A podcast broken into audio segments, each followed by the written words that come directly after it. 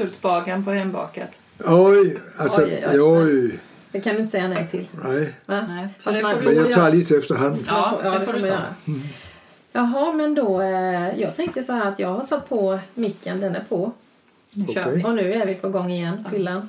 Det var ett tag sedan. Ja, det var det. Vi hade ju... Vi har haft ett litet långt uppehåll. Ja. Eh, tycker jag har varit lite skönt faktiskt också att få varva ner och sen så skaffa lite nytt, nya gäster. Vi har ju en jädrigt spännande gäst här idag tycker jag. Mm. Och vi fortsätter lite på det internationella nu. Förra gången var det engelska och nu är vi fortsätter. Ja, just det. Vi precis. vi är danska idag. Ja, där Så jag hoppas att eh, folk... Nej, eh, du, du snackar bra Ja. svenska. Ja. Gör jag. Ja, Ja. Du, vi har ja, svenska ord här i alla fall. Ja, det är löst. Ja. Nej, men, eh, ja, varför har vi plockat in eh, vår gäst idag då? Kan man ju Ja. fråga sig. Nej men alltså det är som vanligt när vi träffar en människa blev vi bara... När vi träffade denna här så var det bara wow. Vilken Ja, man. men vi, ja, vi kom ju hem och var helt starstruck båda två. Nu får du hålla i det här men det var så här, nej men herregud. Honom vill vi ha. Ja, men du, var så, du hade ett sånt lugn och du var så... Men det var också ordning men väldigt omtänksam och mån om alla. Du såg alla där. Mm. Och jag tänkte jag har aldrig träffat dig och du fick en liksom att känna sig välkommen och lite nyfiken på, på oss. Man man kände sig att det var mm, ja, välkomnande. Och då blev man lite nyfiken på vem detta är. Ja. Och då tänkte vi att det är ju inte bara vi som kan vara nyfikna. Och sen förstår många vet ju vem, vem du är men vi, eller jag hade ingen aning. Nej.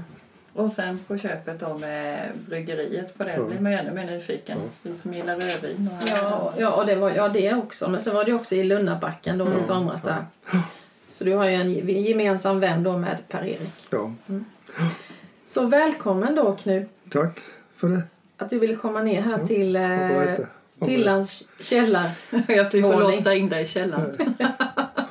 Berätta om sig själv. Det är ju inte Ja. så ofta. Ja, Nej. men, men jag tänker att du måste tänka likadant. Vad vill de Ja, med detta? det är klart det gör jag. Och har gått och funderat lite över är det här någon form av äh, expressjournalistik som man ska klä folk av här i området och sådant. Men äh, jag bestämde mig för att det var nog inte så. Jag tyckte idén var god att äh, man skulle lära folk att känna. För egentligen så har vi ju bara en punkt där vi träffas och det är ju antingen hos bagaren eller i matöppet. Ja, Ja, Det är ju så. Ja. Det var en ganska eh, bra re- reflektion du hade där. För jag tänker, vi har ju faktiskt fått nej från en del och det kanske är just den känslan som folk får, liksom att man vill inte klara sig offentligt. Nej, Det har vi inte Det, tänkt. så långt har inte Nej. vi tänkt. Vi tänkte bara att det är ju... Nej, men det var en fin tanke du hade där. Ja, Nej, återigen, för du är den en fin man. Så jag har ju jag har valt att tro på det här som ett sätt liksom att eh, samla Mm. socknar Mm. på ett rätt sätt. Så man vet vem som är vem man kan hälsa på dem på gatan. Och man vet vem som är. Om man har någon grej man vill diskutera så kan man ju ringa och snacka. Mm. Och Så, nog, så på det sättet tycker jag det är ett bra initiativ, initiativ som det heter. Ja, ja, men jag, och det hoppas vi att det är ju lite det vår tanke. Ja, det är ju att vara nyfiken på men på ett gott sätt. Inte, inte för att vara förvetna men nyfiken och, och få låta fler få lära sig veta Ja, okej. vem, vem Ja, är mm. sångerna. Då blir man ju lite stolt också att någon har tittat på det. ja, Men ja, det ska man, ja, inte- det ska man inte säga så titt. Det ska man inte säga. Men Jo men Det det, känns tycker jag ju är viktigt. Ja, jag menar men det, är absolut. Det Ja. det ska man ju inte lägga under stol. Nej. Och vi kanske Men måste ska- berätta för dig Knut, vi har faktiskt två lyssnare i, i eh, Sri Lanka är det va? Ja, vi vet ju inte vilka de är. Men, Nej, men så, de så det, kan... det är väldigt internationellt. Det är Ja. Usult och Sri Så- Lanka. Så de förstår dialekten. Ja, Ja, våra barn påstår och hävdar bestämt att det har att göra med något teknik. Men vi, vi vill ändå Nej, påstå det är att vi är internationella. Ja, det är naturligtvis så. Ja, det tycker jag. Men vi tänker, Ja, du vi börjar nu. Vem är du?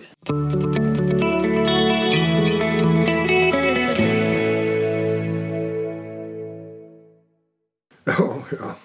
Jo, jag är en gubbe från Danmark. Jag är född eh, 47, så jag är ganska gammal i gården nu. Jag är född i en liten stad som heter Vejle på Jylland. Min pappa var arbetare, han var mjölnare egentligen. Och eh, mamma var hemmafru. Vi var fyra syskon. Jag var nummer tre. Och där har jag gått skolan. Och där har vi gått på gymnasium och sen äh, fick jag i alla fall så pass bra betyg så jag kom på universitetet.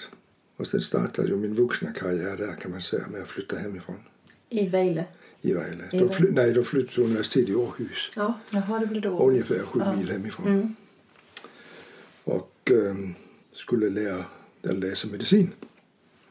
Men det började egentligen i hemstaden därför att jag har varit äh, min familj var en arbetarfamilj. Vi bodde alltså sju pers på tre rum och kök med Mm. kallvatten och sådant. Så det var... mm, Pappa jobbade stort sett dygnet runt och vi skulle ju klara oss själva. Så det lärde vi oss mycket av. Så redan när jag var konfirmerad så fick man ju åka ut efter skolan och jobba ihop lite pengar. Och det gjorde jag på det lokala sjukhus. Då fick jag var en sån här bud som åkte omkring med brev till alla äh, läkarna ute på stan. För då hade man ju ingen digital teknik. Då skulle Nej. man alla svar på papper. Mm. Så då fortsatte jag där och när jag blev lite större så fick jag vara sommarvikarie som vaktmästare och tyckte jag snackade med en massa folk där och det var några läkare som tyckte jag skulle bli läkare, börja studera medicin sa de. Så det gjorde jag. Kände du då intresset? Ja, jag har haft intresse för folk, Ja. för att umgås människor. Ja. Som barn och ung var jag, jag var väldigt mycket aktiv i scoutrörelsen och eh, Aha, okej. tyckte om att leda folk och har varit runt på många ställen. Mm. Så det passar mig fint att snacka med människor. Mm. Du har ju en god förmåga till det. Det märktes ju när vi eh, hade projektet till eh, Lunnabacka med att verkligen hur du... Ja, så det här ledarskapet, det kunde man Ja, men det absolut tror jag nog, eh, det har jag säkert haft med mig hemifrån på något sätt. Mm. Sen var jag, jag var inget ljus, jag fick ju inga höga betyg. Jag var sån här över kanten då, varje gång. När du när- på universitetet Ja, både för gymnasiet var ju ingen höga betyg, men det var precis in där. Mm. Men när man läste till medicin i Danmark så var det så att man fick chansen att gå upp till första årets examina som en slags test på om man dök till just den här utifrån devisen att höga betyg i språk och höga betyg i en historia, det är inte säkert det är det man ska använda för att bli läkare. Som tänkte man skulle så då gjorde vi det och så fick man gå upp till examen där. Och det var ju typiskt något med kemi och fysik och biologi och sånt där det första året. Och sen skulle man också då skulle man ta examen i latin. Okej. Eh, Så det fick vi också göra. Och sen skulle man ta examen i filosofi. Och jag kommer ihåg, jag hade klarat alla examina så saknade jag bara filosofi. Och det kom allra sist. Och då hade jag en sån här vespa jag åkte fram och tillbaka hemifrån. Och just den dagen när jag åkte upp till examen i filosofi då, då kom jag till ett ställe där de höll på att asfaltera. Och då halkade jag och la mig i asfalten och fick skitiga kläder och åkte in till professorn för att bli examinerad. Och ursäktade att jag såg ut som jag gjorde. Jag tror han tyckte så synd om mig så jag skulle passera så det gick bra. Nej, det var det. Jag trodde du skulle säga att du skadade dig, att du inte kunde göra det. Nej, nej. Nej, så då gick det på det sättet. Aha. Och då har jag läst medicin där. Men det var så- någon mening med det. Jo, det var meningen det. var Ja, det är klart det var. Det var. Och då var det ju, ja det har varit 67, 67, 68. Ja. Och då har jag kommit till en stor stad och bodde ensam på ett litet rum på en vind. Det var ganska speciellt. Man var tvungen att gå ut på kvällarna och dansa för annars skulle man inte stå ut med det. Nej, men då var du runt 20 eller något. Ja, då har jag varit 19, 20. Ja. Och Var det i Århus då? Det var i Århus. Ja. Fanns det ställen att gå ut och dansa? Ja, ja. ja, ja det fanns det. Det, var ju, tur. det var ju diskotekskulturen. Var ju. Mm. Jag hade en kompis från gymnasiet som läste teologi. Och han var dörrvakt på det största diskoteket där så det var ju alltid lätt att komma in. Men det var ju lite häftigt. Läste teologi och var dörrvakt på disco. Jo, Han men- fick höra många livshistorier där, tänker jag. Ja, visst är det klart. Så lite, fint. det är, eh, det är präst. Nej, Jo, är det? jo, ja, det är det Ja, just det. Ja, jag bara ja. tänkte att jag Ja, fick ja. inte ihop det redan. Just det. Ja, så var det. Ah. Och då, ehm, då fick jag- ordning på mitt liv efter ett par år. För då träffade jag min fru Gitte på en fest till jul på universitetet. Och uh, vi bestämde att vi skulle träffas två dagar senare. Och så flyttade hon aldrig ut sen. kom till Ja, det är hon. Härligt. Ja. Så då, eh, då tänkte vi lika gärna börja från start, början istället för att gå och känna så kunde vi lika gärna börja fundera på om inte skulle vi oss. Och det blev ju i alla fall 52 år och tyvärr som slutade Ja. för tidigt. Men så är det ju i livet. Det är ju tyvärr så. Ja. Så det, är- då läste jag ju medicin samtidigt som hon hade sin karriär som grafiker. och då, eh, 74 blev jag färdig. Och då skulle vi ha arbete i Danmark och då var det arbetslöshet bland läkare i Danmark. Det fanns inget jobb. Och skulle man ha ett jobb på sjukhus i Danmark och det inte var något jobb, ja, då skulle man känna far, faren och hans. Jag att hade, då skulle- man känna sig, familjerna. Jaha. Så nepotismen var ju uttalad. Så det var ingen chans. Så då skrev jag annons, eller brev till Sverige. Och eh, fick napp då direkt ifrån Örebro och ifrån Jönköping Jaha. till vikariat, ett sommarvikariat. Och då satte vi oss ner med kartan och sa okej, okay, vad är närmast Danmark? Ja. Och det var Jönköping.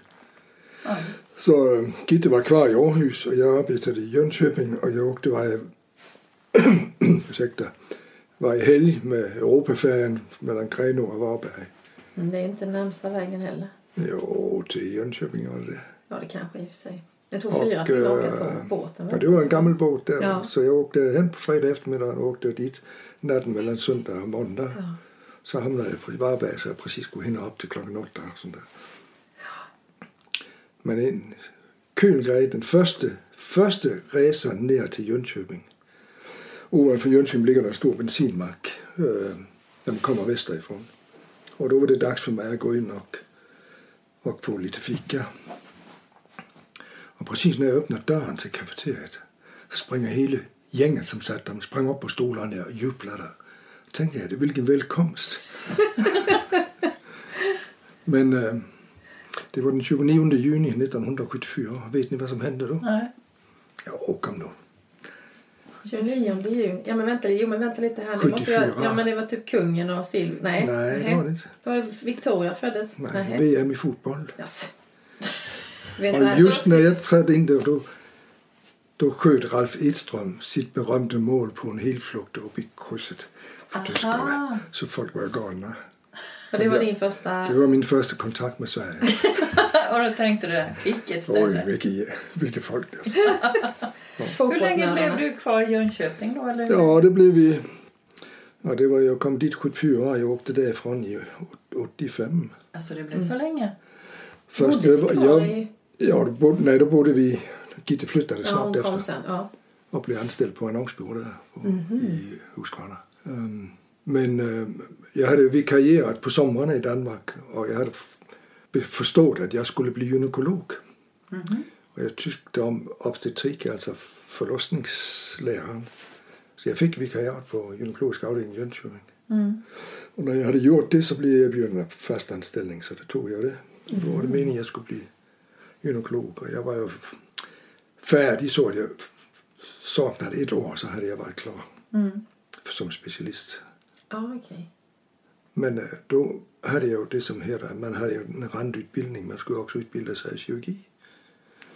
Och där träffade jag på mitt öde som var en gammal räv som var duktig urolog, alltså arbetade med kirurgi men huvudsakligen med urinvägarnas. Och um, han svor som en postbindare. Okej. Han var från Södermalm och det var precis så det var. Och en dag när vi hade stått och opererat, vi hade gjort, jag kommer ihåg som det var igår, en, um, en njursten. Och när det var dags att sy ihop så gick han ju ut för han skulle ut i rummet och röka. Ja. Och då fick jag sy ihop det där såret. Och när jag kom ut så satt han där med pipan och så sa, tittade han mig i ögonen och sa han, vad fan ska det bli av dig när du blir stor?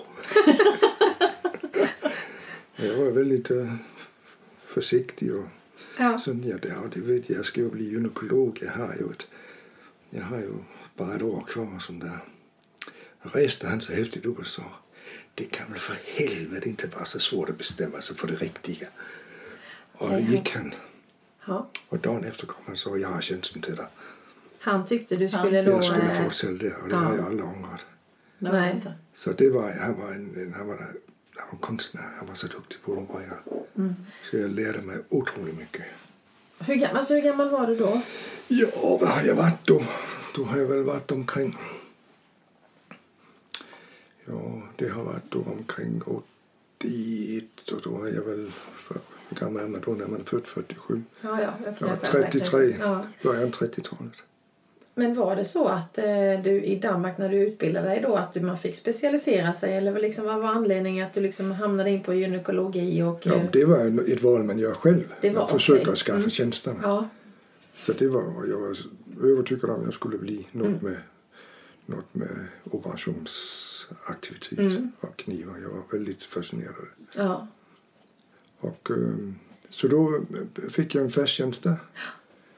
Och ehm, lärde mig otroligt mycket av den här gamla människan. Mm. Zetterlund, han var, han var enastående. Det var, det var liksom en gud. För det var ju mästerlärare då. Mm. Det är det ju inte längre idag. Då ska man ju läsa i boken och sen ska man eh, läsa via digitalt. Men då var det ju mästerlärare. Mm. Så då var jag där tills jag nästan var färdig och så sa han att du, du ska också, du, jag tycker du ska disputera, alltså göra en doktorsexamen. Så nu har jag fixat så du kan komma till Linköping. Okej. Så då åkte jag till Linköping. Um, 85 har det varit, ja. Mm. Och där träffade jag en annan mästare som hette Anders Engberg. Som var duktig. Och just då, då hade man börjat att diskutera i Sverige om man skulle börja operera för prostatacancer. Och prostatacancer var en sjukdom som man hade ingen operation för det. Man Nej. kunde behandla med medicin. Eh, Eller man kunde operera bort testiklarna som liksom kastrerade folk.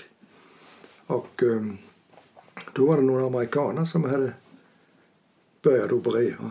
Och den här Anders Engberg i Linköping han hade kontakt med en kille där från Baltimore som hade börjat. Och sa Anders Engberg, det ska vi börja med i Sverige. Så i Linköping var vi ju först ut i Skandinavien faktiskt med att börja operera för prostatacancer. Så där var du med. Och då var jag med var i, detta då? det har varit 85 Jaha, det var och då var det ju Anders Engberg som var chef. Och en annan kollega till mig. Och vi var tre som skulle bilda det här team som gick igång. Och det gick ju bra. Det gick så bra så vi åkte omkring i Sverige i alla fall och gästopererade på hur man gjorde Anders Engberg han dog plötsligt en kväll när han hade jour. Och eh, den andra som var med i gänget han var tjänstledig så plötsligt stod jag ensam med det där. Och hade patienter från hela Sverige. Eh, och då hade jag goda kollegor som ställde upp och assisterade och vi kom vidare och vi hade kommit så långt.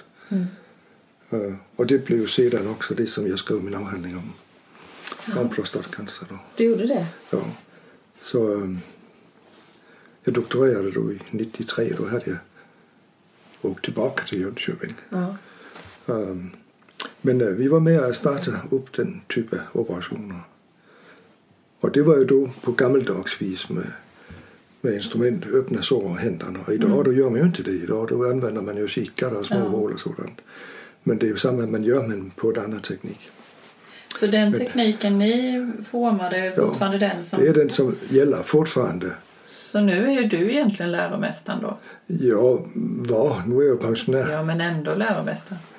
Så, men det gjorde i alla fall att jag har ju varit mycket på resande fot. Jag tror jag har varit i varenda, varenda land i Västeuropa och gästopererat. Och var i USA och opererat en gång. Så det har varit spännande. Vilket... Riktigt Ja, det spännande. förstår jag. Det är ju lite så här nu när vi har november november, ja, precis. ja, Ja. ja. Jag miste ju min pappa just i prostata också. Så det, men det är, det är väldigt vanligt i alla Ja, fall. jo, men det är ju den mest vanliga manliga cancerformen.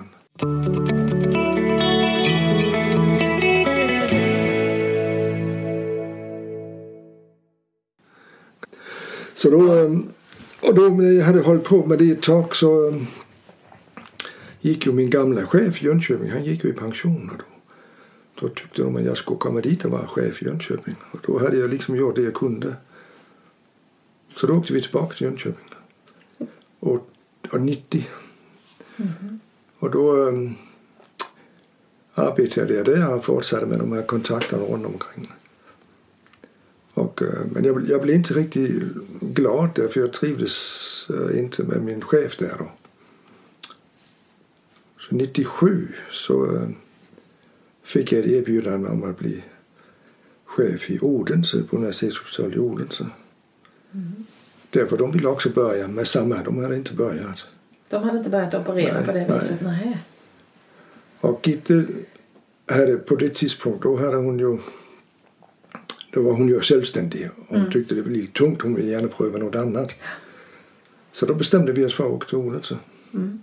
Och där var jag då i, vad blev det, fem år. Och blev så sur på dem för jag fick ju inte sånt som jag ville. Du fick inte som du ville? Nej. Vad var det som skedde? Ja, pengar. Pengar? Du fick inte tillräckligt? Jag fick ju betalt själv men alltså pengar till verksamheten.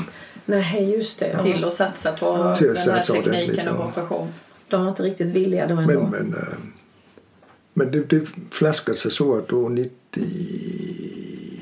Vad blev det? Sju år var det. Ja.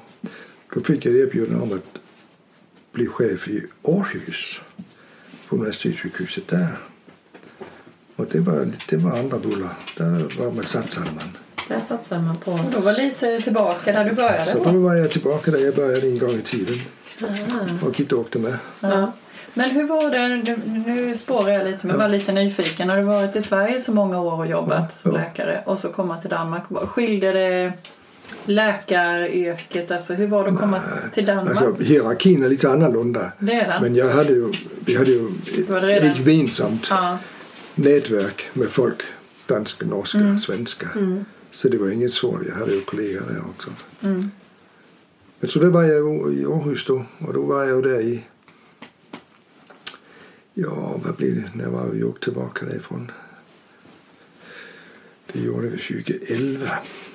Då hade jag varit där i sju år då. Mm. I Århus. Men Gitte trivdes oerhört dåligt i Århus. Jaså? Och, uh, hon var därifrån också eller? Ja, hon var också därifrån. Ja. Men uh, det funkade inte. Det var oerhört mycket sån här mobbning. Hon, hon skolade om sig för att arbeta i äldreomsorgen och gick skolan och sådant. Men kvinnliga arbetsplatser, de är svåra. Mm. Och det, det trivdes hon inte med alls. Så vi återvände hit i 2011. Till hit? Var Jönköping ja, då? Eller? Då åkte vi till Jönköping. Mm. Uh, och skaffade oss en lägenhet där för då hade vi fått vårt sommarställe här uppe. Hur hittade ni detta sommarställe? Ja, det vi komma till strax då. Ja, precis. Ja, det blir spännande. Ja. Så då var jag i Jönköping då och med på ett villkor. Ja. Jag ville inte vara chef längre. Så då blev jag sån slags gammelfar där uppe. Mm. Och det var, det, var, det var roliga år på det sättet. Ja. Tills jag blev 69 så bestämde jag mig för att nu fick det vara. 69 jobbade ja. du? var 69 år? Ja, ja. Och det var vilket år? Ja, nu är jag 75 då. Så det blir ja. för sex år sedan. Då, vad blir det då? Ja. Det kan du räkna bättre. Ja. Nej, så vi har haft, vi har haft väldigt mycket på resande fot kan man säga. Verkligen. Och, uh, uh, hela tiden har det ju varit så att vi har försökt att, uh, att bestämma att vi båda skulle må bra. Inte därför att man var säker, men vi skulle båda ha en uppgift som gjorde att man kunde arbeta för att må bra. Mm. Så när vi har flyttat så har det varit i, i gemenskap kan man mm. säga. Så de som har lidit mest av det är barn förstås. Ja, för jag, vill, det, jag glömde jag fråga. Hur många ja, barn har ni? Ja, två unga, två pojkar. Två pojkar? Ja. Har de följt, följt med er? Ja, alltså den stora pojken han stannade kvar i Sverige när vi flyttade till Odense. Mm. Då gjorde han lumpen då. Mm. Och då började han läsa i Göteborg efter det. Och bor kvar i, på västkusten och arbetar på, på universitetet han är forskningsingenjör på något sätt. Jag förstår inte riktigt vad det är han gör, men det är en annan film. men han är glad för det. Han har tre barn. Och så har jag en son som bor i Danmark som följde med. Och han bor kvar i Danmark, bor i Köpenhamn. Och han är då musiker och sångare och kapellmästare. Så han nu äh, arbetar han inom musikal. Han är utbildad som musikalartist i London. Spännande. Häftigt. Va? Då får, Så- men du får båda delarna då. Besöka en, i- en i Sverige och Ja, en i ja, Danmark. det gör vi, ja. Bästa båda. Ja. Ja. Så han, äh, han, han är faktiskt rätt bra. Och han har så gift sig med en, med en musikalstjärna också. Jag måste bara få, han, ska vara med, han, han ska inte vara med den här senaste med Kim Larsen som sätts upp. Nej, nej. Han, ja, det sista han gjorde på scenen det var att han var kapellmästare i Helsingborg när de spelade jazz. Øh, men nu håller han på. Han har, har läst mycket sådana finansiering och organisation så jag tror han arbetar mer på att stå bakom scenen och skaffa folk och sådant. Och så spelar han dessutom. Och just när det var covid där var det inte så mycket teaterverksamhet. Nej, Nej. Ja, och då startade han utbildning som organist istället. okej. Ja, men man får vara påhittig, va? Jo, de är ju, men, men det är lite... Det är lite anden från Gitte, där var ju alltid något på gång. Ja. Alltid, alltid. Och, och det har han tagit åt sig. Ja. Så våra pojkar, det är nog så. Den stora han liknar mig och den lilla liknar Gitte. Så det. Ja, häftigt. Så han bor där nu. Och äh, så är det. Sen har han, varit, han har hjälpt oss i kyrkokören här ett, ett år med att träna in några låtar och sånt där. ja, för du är med där. Ja, det är Hur många, hur, har du varit där länge? ja, fem år kanske. Fem år? Ja, för Ja. jag vet jag var med vid något tillfälle men jag tröttnade efter en gång så jag bara... Då för mig att du var ganska ny där. Ja, det kan tänkas. Ja. Tröttnar du där? Ja, jag, jag tröttnade för jag, eh, det var väl det var något som inte var bra då. Jag hade ju varit med Magnus eh, Björkman Ja, och sen var jag ju i Tingsryd hos eh, när han Josef eller vad han heter. Ja. Så kom jag tillbaks hit så det var och det var, han var precis ny då, eh, Robert. Robert. Ja. Så jag var, nej men det var, det var, det var så, men han är ju annorlunda idag. han är annorlunda. Ja. Robert han, han har utvecklat sig mycket Ja, under den ja. tid jag varit där. Det, var, det var mest damerna tyckte mest det var roligt att sitta och prata då. Ja, ja. Men det, Men det, det är var ju fortfarande så. Det är väl så det är när kvinnor Ja. träffas. Då ska Ja, det ja. snackas mycket. Kanske börja igen, vem vet. Jag Ja. tycker det är väldigt kul. Det tycker jag ska. Vi har faktiskt roligt. Ja, ja, det... Men det är många Jättekul. kyrkokörer nu. Ja, vi är nästan vi är över 30 nu Ja, som står med. Ja, på adresslistan. pratade om det sist här nu så här. Ja, ja. Tycker du ska komma med? Det är kul. Nej, så då pensionerade vi oss ju här på ett tidspunkt. När jag var 69, det är alltså sex år sedan. Och då äh, sålde vi lägenheten i Jönköping och bosatte oss här permanent. För detta var i ett sommarhus då Det var början. sommarhus och det, det köpte vi 2000 då. När vi bodde på Fyn, alltså i Odense. Ja. Därför vi saknade skogen och svamparna och bären. Och så skulle vi ha ett ställe. Så då skaffade vi det här lilla ruckel. Det fick inte kosta något mycket. Nej. Så vi letade efter något som var rött och det var viktigt att det var något som skulle renoveras. För det är ju min hobby, det är ju att härja med bygge, bygge och snickra och sånt där. Så inte bara att du gillar att operera, du gillar att snickra. Det- Det, är skapande. Handarbete. Ja. Handarbete. Arbete, Ja. handarbete. Ja, det är Ja, det. Så äh, då köpte vi det där ruckel där uppe mars månad 2000. Svårt att se att det, vet, att, det, att det har varit ett ruckel nu men eh, det var ju det, Ja, det var ju absolut man blev finaste jag sett. på- imponerad. Ja, det var, så, jävla mysigt. Det var det lilla huset där. Det var ju... eh, det har stått där sedan 1868. Det vet jag därför att det var markerat när jag höll på att renovera så hittade jag kärpenseln och stod 1868. Och då är det flyttat dit från Ucklekulla. Jaha. Det var Franzéns spår där bakom. Där var det en bonde som skulle ha ett större hus och då sålde han sitt hus. Och det var ett, ett dubbelhus. Ett dubbelstycke. Han sålde till två bröder som delade i mitten. Och då fick jag ena halvan och den andra halvan stod där uppe. Jo, men det har, ja, det har också hört talas om det. Ja. Ja. Så det, och då har vi renoverat det. Uh, Marias heter det. Maria heter hon. Kummesson som bodde där. Och hon uh, dog 55 eller 56. grannen sa att hon bakade de bästa kanelbullarna i trakten.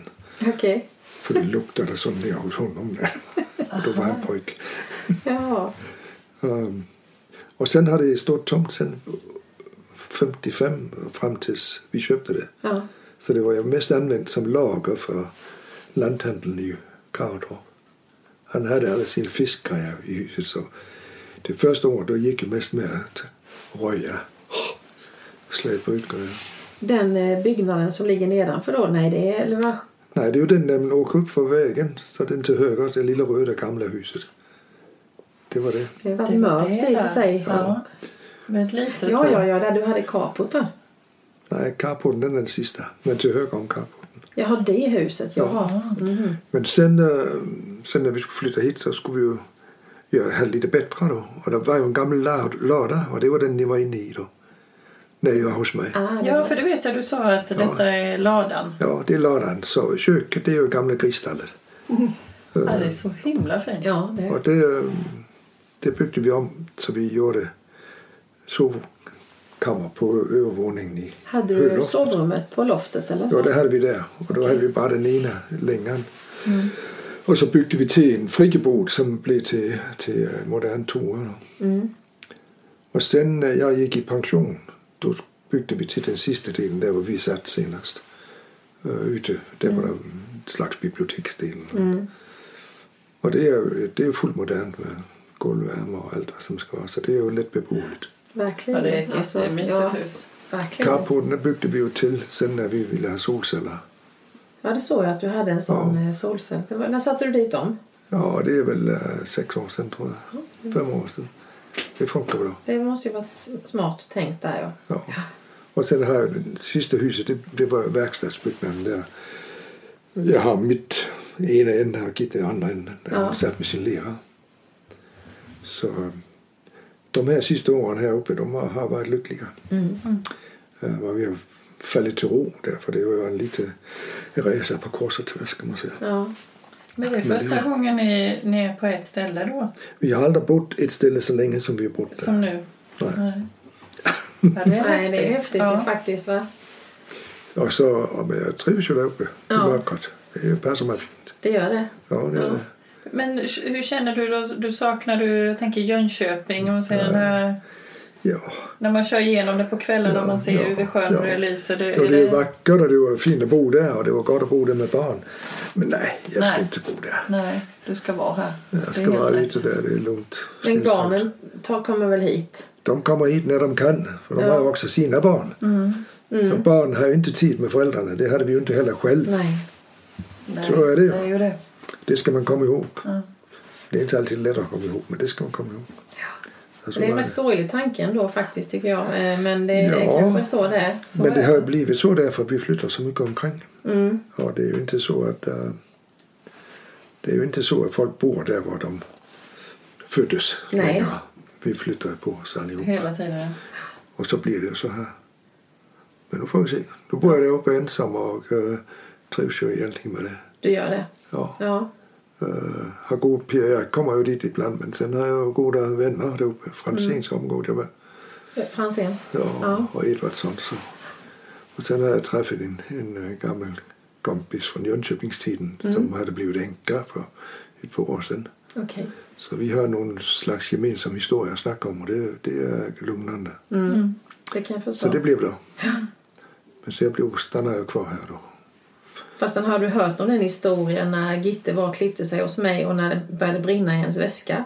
Nej, Detta är så dumt. det har hon inte sagt till Nej, mig. det var ju, jag hade, vi hade, var ju för jultid så hade vi oftast ett litet ljus på Mm. bordet och hon hade någon tygväska. Ja, Och jag, hon lägger upp väskan där och sen skulle jag gå till telefonen och sen helt plötsligt så ser jag att det börjar ryka så tänkte jag nej men har hon tänt en cigarett? Nu är hon väl fräck ändå tänkte jag. Men så, nej för fan hon ryker, hon röker inte, det, det brinner ju i väskan. Så då hade det börjat brinna i hennes väska och så vi fick ju det blev världens panik. det jag aldrig hört. sa Det jag aldrig hört. Nej okej, nej det var... Ja, det var för genant. Ja, Det var hemligt, det är bara sånt man pratar Ja. Ja. Ja Nej. det var roligt, det var en rolig grej. Så det var en lång historia om mig. Mm, Eller hade om min verkligen. karriär kan man säga. Ja.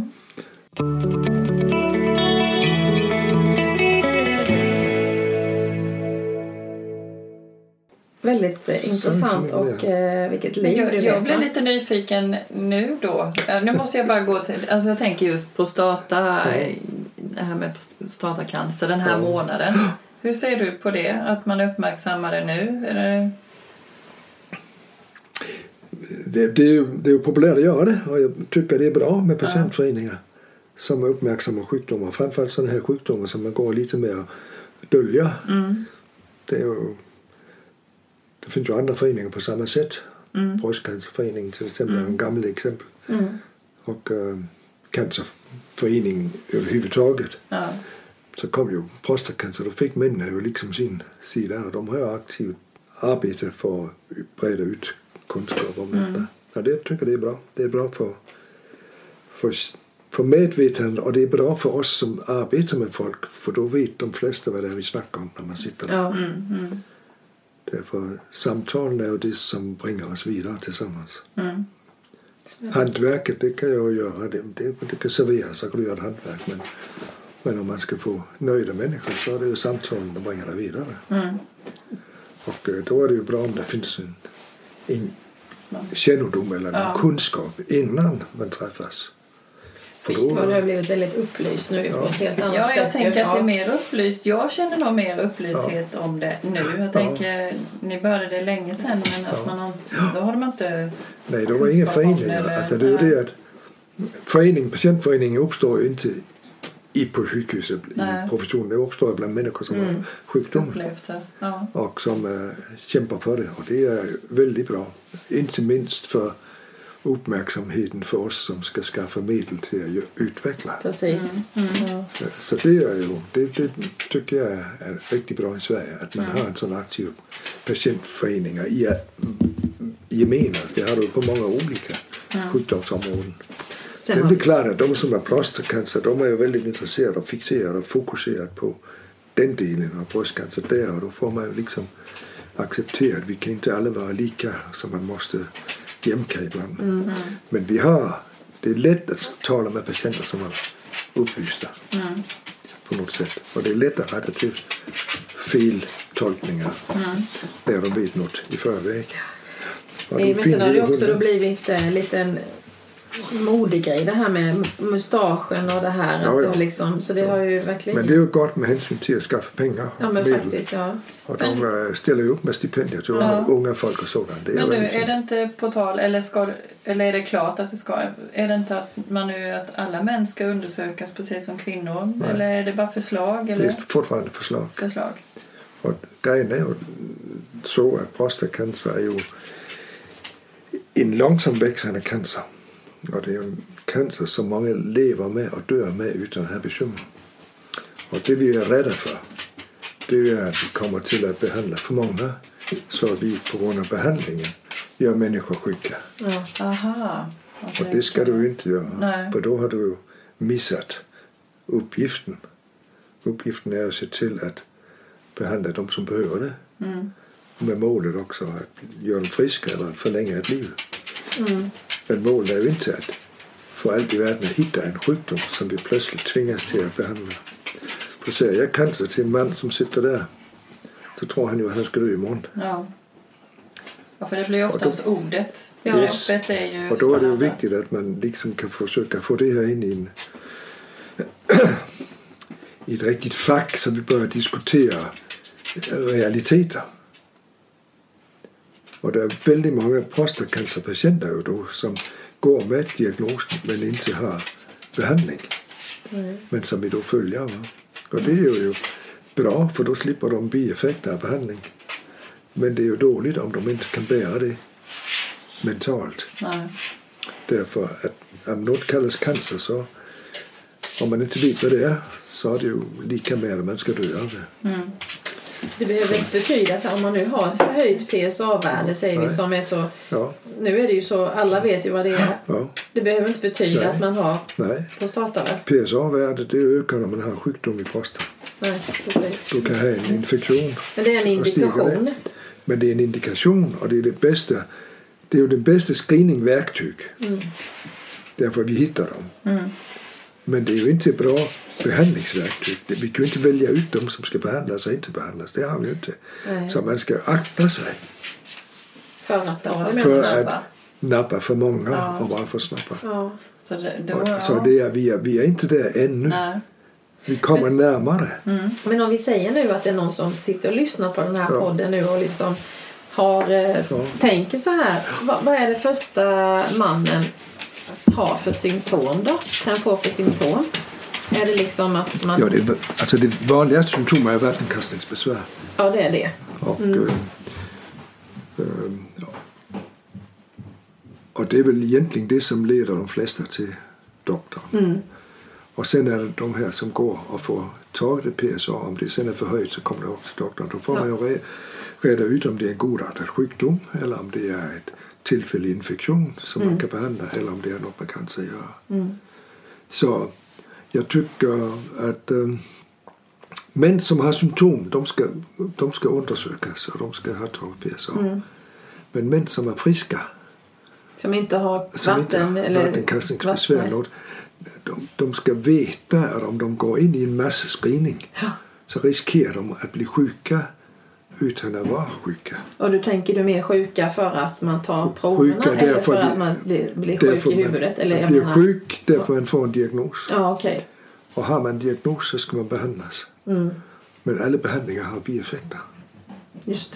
Och då är det ju så att, att eh, om du behandlar folk så ska man också diskutera effekten i den ena vågskålen och bieffekten i den andra vågskålen.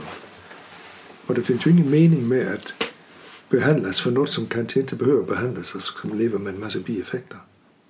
Precis. Men vi är inte, vi är inte på plats än. Vi kommer närmare och närmare. Och där har man ju sagt att bröstcancerdiagnostiken har blivit så pass mycket bättre. Än, men det ligger också lång tid före i tid.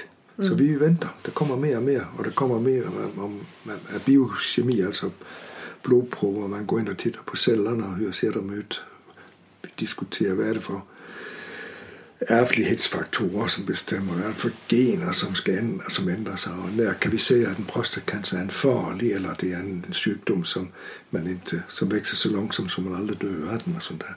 Vi, vi är ju inte på plats alltså. Nej, Men eh, det kommer vi en dag. vi får vänta på detta. Ja, men vi kommer en dag. Det är klart. Jag tror, att jag, jag tror, och jag tror de flesta håller med om att vi, vi nog behandlar fler än vi borde göra. Okej. Men det gör vi ju för att säkra de här patienterna.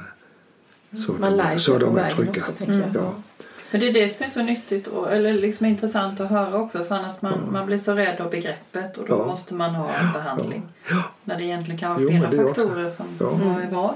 Ja. Och då ska man, man vill gärna diskutera det här med vad, varför ska man behandla? Ska man ska behandla för att man vill, man vill slippa effekter eller av den sjukdom som man har. Eller man vill förlänga livet i förhållande till vad man har för, kunnat tänka sig. Sådant. Det är ju sådana grejer det är, som behandling ska innebära. Behandling ska ju inte ges för att man vill bli av med en rubrik som heter prostatacancer. Nej. Eh, Men, och det är ju väldigt, väldigt svårt att, det är svårt att kommunicera det här. Mm. Mm. Man kan, när man träffar många patienter, när man sitter på två man hand och man har fått tid, så kan man ju många gånger föra det här fram. Men jag kan ju inte som doktor säga till en patient att du, du får inte någon behandling för du är inte sjuk. Om han har fått en diagnos av mig, att det står cancer, Mm. då kan jag ju inte säga till honom att jag vill inte behandla dig om du vill ha det. Men jag kan försöka få honom att förstå vad det innebär att ha diagnosen. Mm. Och, och hvis den person då säger ja, men jag hör vad du säger men jag vill inte leva med vetskapen, jag vill du ta bort den. Då gör jag det. Mm. Men då ska han veta vad bieffekten till behandlingen är. Mm. Ja, ja. För det är ju också så att om man tar bort prostata med en operation så arbetar man väldigt nära slutmusklerna. Och slutmuskeln som gör att vi håller tät, Mm. Den är det ju stor risk för att man skadar med en operation. Och då har vi ju placerat en man i Innan en situation där han istället för att ha cancer har fått en inkontinens. Ja. Och en gubbe som inte behövde bli behandlad för cancern, som får inkontinens, han har dragit en nitlott in i min åsikt. Mm. Och kan det inte bli så impotent också? Ja, impotensen är vanlig. Ja. Att man tappar erektionsförmåga. Ja. Eh, Och det är, man, det är gamla män, de, de behöver inte, men det är lögn. Det betyder oerhört mycket för män att bevara reaktionsförmågan. Eh, Så den snack skulle jag gärna vilja att man tar väldigt noggrant Ja. mer än en gång innan man kastar sig över en man med kniven. ja, det är ju intressant verkligen Ja, att få höra. Så det. ja men det, var- det, det var inte det vi skulle snacka om, eller vad? Nej, det var ju inte det. Men det Vi vi kommer, men vi vi, det var just det här. Det, vi, det var ju nu, jag hoppar på Ja. något glatt här nu. Ja. Vad gör du på din fritid? Det var ju det. Och det har ju varit inne och nosat lite på. Jag, eh, jag sköter huset. Du sköter huset. Ja, Ja. Jag har alltid något byggprojekt på gång. Ja.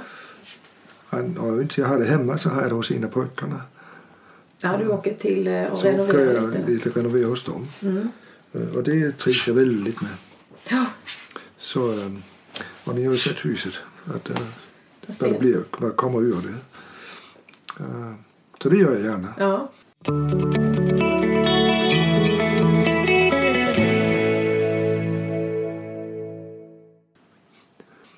Sen har vi ju de sista två åren bryggt öl. Tre år, sist tre år.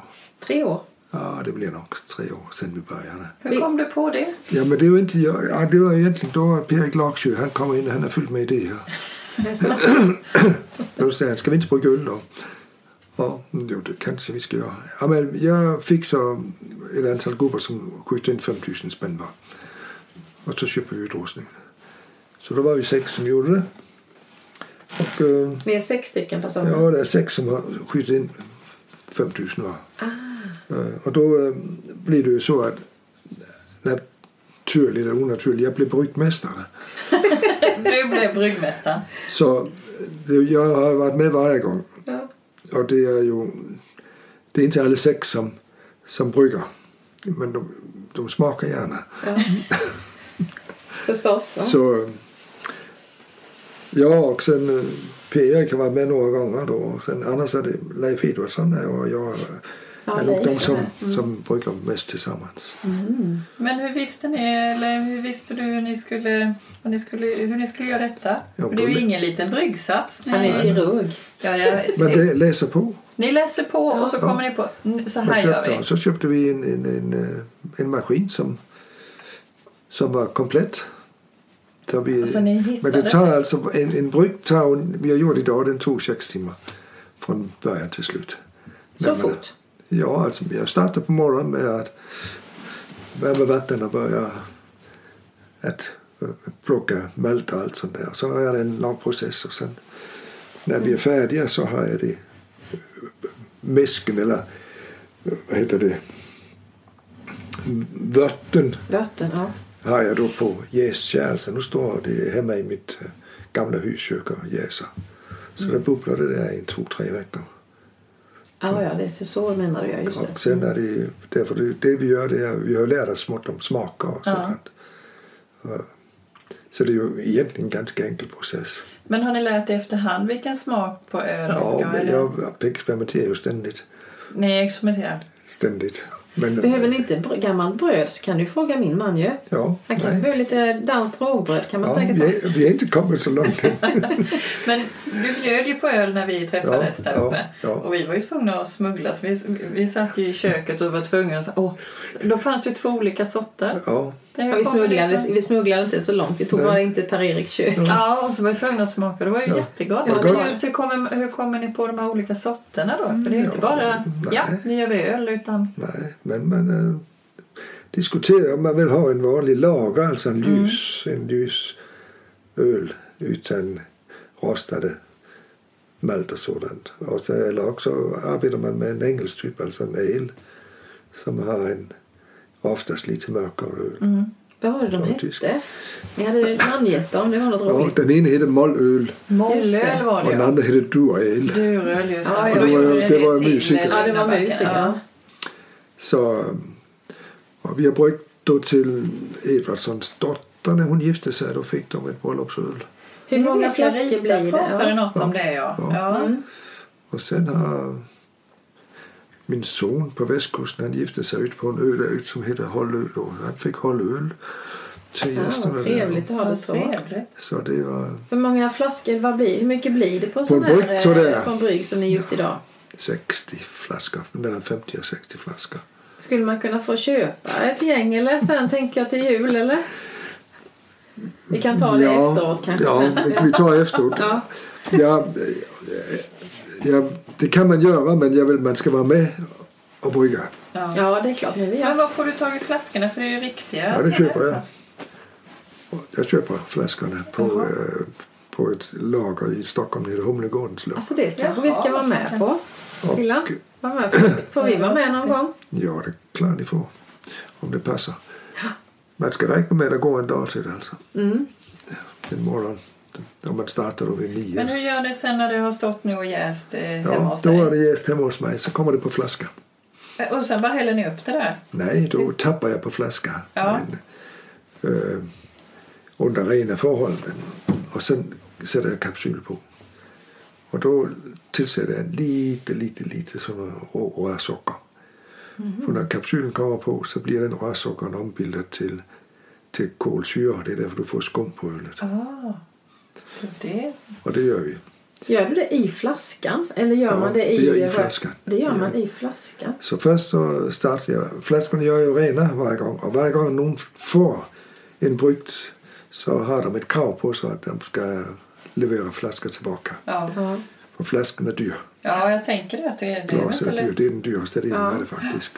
Så, och när det kommer hem så ska de vara rengjorda. Så allt får vi veta. Skölja ordentligt nu.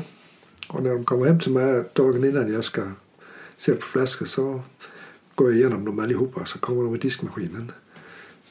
Och sen eh, tillsätter jag in ett, eh, en, eh, ett ämne som tar död på bakterierna. Eventuella bakterier. Mm. Och så sätter jag på flaskorna och, kaps och kapseln direkt. Mm. Men det är ju ett smart sätt att veta att man får tillbaka flaskorna. Ja. Om man bjuder Mm, på verkligen. öl. Att Ja. Tillbaka den kanske det blir nytt. Det, Ja. ja. Och Ja, det var väldigt eh, gott öl. Det står den gärna, när den sen är på kapsyl så ska den gärna helst stå ganska kylig i en Ja. månad, två månader kanske. Ja, det ska stå så länge. Så just nu är det vi har gjort är till jul. Det är julölen. Ah, ja, ja. Och den är så smaksatt efter jul med julkryddor, pomeranskål och ja. Nejlika och. Då är det lite mörkare då. Den är lite mörkare. Ja. Så, Har det hänt när ni har testat det fram att ni har blivit någon som blev jättestark så den gick inte att... ja, vi har den nej inte jättestark. innan. Jag tror det högsta procenten vi har haft den låg strax över sex alltså. Ja, Men jag vill gärna ha dem lite svagare. ja. Så någonstans där omkring 5, 4, 8, 5 och sånt där. Men det, det kan jag inte riktigt styra. Och ingen Det risk kan- att man dricker det- upp det innan det är färdigt. Att man går och nallar lite hela tiden. Nej, Det hade jag, nog du och jag gjort tror jag. Ja. Troligtvis. Ja. men äh, nej det gör man inte. Nej. Därför man jag har den från förra gången. Det är lite flaskor som står Då kvar. har du alltid kvar där. Det är alltid lite. Lite kvar. Skulle det vara. Nej, men jag dricker inte så mycket öl. Det Det är inte jag som dricker det mesta. Men jag tycker om processen. Ja. Det är hantverket. Ja, det är jag det tycker, jag skapandet det. som du Ja, det gillar. är. Det var precis det som vi hade som att fråga. Tänkte fråga dig om det var en passion i livet. Att om ölen är en passion i livet. Men det, Nej, det är det att göra den då. Det är att göra den och så få olika smaker på det. Ja. Och sen får vi veta efteråt att folk tyckte det var bra. Uh, Edvardssons, han berättade att det var en kille med på det här bröllopet, dotterns bröllop, som satt i en sån här jury för öl. Som hade sagt att den öl de fick där, den var i alla fall bland de fem bästa av de här tusenvis han hade smakat på. Oj, Roligt. Kanon, Ja. Då var reklam man ju. ju lite... Eller, ja. Men det är ju inget, det är ju ingenting, jag vill inte göra eh, industri av det. Det ska vara kul. nej. Det ska Ja. inte vara en belastning. För det går ju en dag med det alltså. Ja. Och då ska du sitta, efter att man har fått det på gästgäll så ska det göras rent och sådant. Det ska ju vara pinigt rent. Mm. Och det tar ju lite tid. det tar lite tid. Det förstår Så man. det går en, Är det lika dag. roligt för dig? Ehm, Alltså hela processen även efteråt? Eller är det skapandet? Ja, skapande är det roligaste. Det är det, ja. Och sen är det snacket med är där. Ja. Under tiden. Ja, jag menar det. Det måste väl vara det som Så är... det är Det är väl jättekul att ni är ett Ja, sånt det är gäng vi. som gör det. Alltså, vi, har, vi fixar många grejer Leif och jag när vi står där tillsammans. Det är något och jag säger det. Det är något Vem var speciellt. det? Är något särskilt där. Och sen, eh, ja den som står hemma i Gesa nu, den har jag gjort, det är en så kallad craft beer. Det är en amerikansk typ. Så då har jag gjort en, en ljus öl och sen har jag tillsatt uh, Vemboöäpplen Jaha. för att skapa lite socker på det sättet. Ah. Och då ska vi se, men det är lite amerikansk bis. Blir det, alltså, kan man få den till att bli lite eh, kolsyrad utav det menar du? Nej, men man får en smak, lite sötare smak. Och äpplen ger oftast en, en, eh, ganska mjuk, en lite rund Mm, smak. sådär. ja. Så det gör jag. Vad spännande. Vi kanske får prova någon vacker dag då. Ja, ja. Spännande. Mm. Ja. Ja, jätteroligt. Men det är Ja. klart. Men jag tror att vi har eh, gått igenom alla våra frågor egentligen. Eh, fått höra så mycket intressant och roligt. Vilket liv du har lever, skulle jag vilja säga. Ja, jag har väl levt det mesta, tror jag. Jag Ja, har, det jag har haft mycket. ett... eh, eller vi har haft ett spännande liv. Vi har varit tillsammans i lång tid. Gitta, och Mm. har haft kul på alla sätt. När hon skulle göra något så kunde jag hjälpa henne. Jag gör något så skulle hon hjälpa. Sådär. Så det varit roligt. Det lät så himla fint det du sa innan just att vi har alltid varit måna om att vi ska må bra och ha det Ja. roligt. Det tycker Ja. jag var För det vet ni fint. Det också. ska jag ta med mig. Så, så är det ju inte alltid. Verkligen Det är inte. alltid någon som ska ge efter för den Ja, andra. Men vi ska hitta en jämvikt där. Mm. Och jag tror vi hade gjort det. Men äh, så skulle det inte vara. Man bestämmer inte över allt i livet. Nej, det, det är ett hantverk det För det, det, det, det måste jag också säga liksom att eh, när jag då pratade med Gitte så här. Hon, hon lät alltid väldigt stolt över dig. Okej. Ja, det gjorde hon faktiskt. Ja, Och så det tänkte kunde jag, ja, säga. den där mannen skulle man ju vilja träffa. ja, Gitta har varit, varit lika... äh, alltid något på gång. Ja. Alltid något på gång. Och har gjort väldigt många grejer. Fina. verkligen. Har- Jag tänkte, har du något kvar av henne? Liksom, finns det kvar Ja. några grejer som... Ja, det har jag. Jag har en hel del. Var, Ja. Men det, det, det äh, gömmer sport till ungarna. Mm. Ja, men verkligen. Och äh, Gitte startade med att äh, arbeta med, med, lera när hon var barn. Ja, Så jag har ju fotos där hon har gått hos en konstnär för, liksom, för att forma och Mm. modellera. jag är glad att jag har köpt grejer av henne. Ja. Och sen äh, har hon ju målat mycket. Hon levde ju på att vara grafiker. Mm. Hon skrev en del böcker om hantverk, handarbete. Mm. Äh, hon arbetade för det som heter ICAs handarbetsbibliotek. Okej. Så gjorde sådana här kul grejer, inte klänningar och sånt men kul grejer. Ja. djur och, och annat. Nej, så det har varit, eh, det har varit fullt tryck på hemma hos oss. Mm. ja, det har man Hela, förstått. under alla åren. Mm. Från början till slut. Ibland hann man inte sova. Ja, men jag tänker att det är ett danskt par som flyttar hit till Småland och det får väl vara lite sånt där. Ja, det är bra att vara här. Och Ja. sen är det betyder det oerhört mycket att vi kom till ett ställe där man har goda grannar. Ja, Och där det finns ett intresse. För i stan, de bor lägenhet i stan, du känner inte de här i trappen där. Nej. nej. Men här uppe, då känner de som bor flera kilometer bort. Det är ju det som är så Ja, fascinerande är med den här byn. För jag menar, vi är alla tre här egentligen infödingar. Ja. Eh, Vi är inte infödingar. nej, Nej. säger jag. Inflyttade. Utflyttningar. Vi är inflyttningar menar jag ju. Ja, Just det. Eh, och jag kan nog säga samma sak. Ja. Alltså, det är verkligen... Varje tisdag morgon eh, så går vi ju några stycken där uppe. Vi går en sväng. Vi träffas klockan nio varje tisdag morgon. Mhm. När man är hemma så har man en kaffetermos och macka med. Så går vi ett par timmar i skogen eller någon annanstans. trevligt. Eh, Och det är jättebra. Mm. Och det har vi gjort hela vintern. Det är inte alltid det är mer än ett par stycken men så är det. Jag försöker vara med varje gång och det Ja. är faktiskt riktigt. Då Vem är det som allt. ansvarar för det? Eller vem som får igång Ja, det är, det är väldigt mycket mig alltså. det var du, ja. Och Mm. sen... eh, Det är ledaren i dig. ja. vad, vad är det? Det är ledaren i Ja, dig. jag vet inte, men i alla fall så har jag hängt med på det. Och Just Ja. nu så är det nog Och i vinter då är det nog mest Rigmor Franzén och jag som har gått. Mm. Eh, och det är väldigt bra. Och de här som har bott här och växt upp här, de har så oerhört många historier. Ja, Ja. Så det. är skitkul att lyssna på. Att gå med Lennart Fröberg, det är ju... Det kan jag tänka mig. Oj, Ja. alltså, varenda hus vi går förbi, det är ju hundra historier, men kommer inte ihåg hälften. Nej. Li, Rita och Lennart, herregud, då måste vi ju... Ja, det har vi också. Ja. Det måste vi ju. Ja, det är bara... Jag lyssnade på um, eh, Elsie, vad heter hon? Elsie Karlsson, Mm. Dragans. Ja, Ja. ja. Ehm, hon berättade, hon var och föreläste just med, med gamla historier som hennes Ja. man hade åkt Ja. runt och berättat innan. Ja. Och då var det bara, jag kan inte återberätta den helt, men liket som bjöd på middagen på eh, restaurangen på hotellet. Okej. De hade varit och festat på någon ö och sen kommer han på att han har ju bråttom hem så att han sticker ju från den här ön och när de andra vaknar så är ju Ja. bara kläder och plånboken kvar och de tror ju att han har dränkt sig, att det har ja. hänt något. Ja. Och sen mycket riktigt så han är och jobbar. Och då blir de så förbannade de inser så de tar hans plånbok och så går de till hotellet och tar värsta middagen och säger att det är liket som bjuder. Eller Ja, visst. Men man, det var sådana historier Ja, de berättar så Ja, att jag ja. talas om. Jättekul. Och jag kan tänka det- mig att Fröberg också har väldigt många. Ja, ja. Alltså, det, är- sånt där det gillar jag starkt. Ja. Ja, det är kul. ja. Att få veta vem som har bott var. Mm. Vad det var för folk och sånt där. Och idag försvinner ju mycket av det. Man, Ja. Vi sitter ju mycket hemma, mycket Ja. via nätet. Ja. Det blir ju inte det fysiska lika mycket.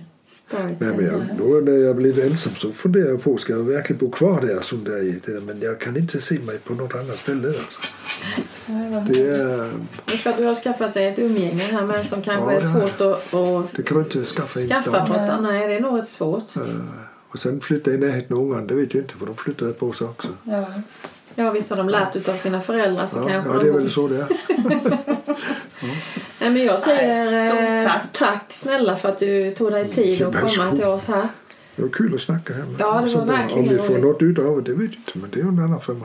Det Jag kommer vi hoppas att inte få. du blir för rädd att vi låst in det här i källaren. Men det är ljudet. Det är ljuset. Ljudet. Tack så mycket Ja, än en tack. gång. Varsågod. Tack. Kom.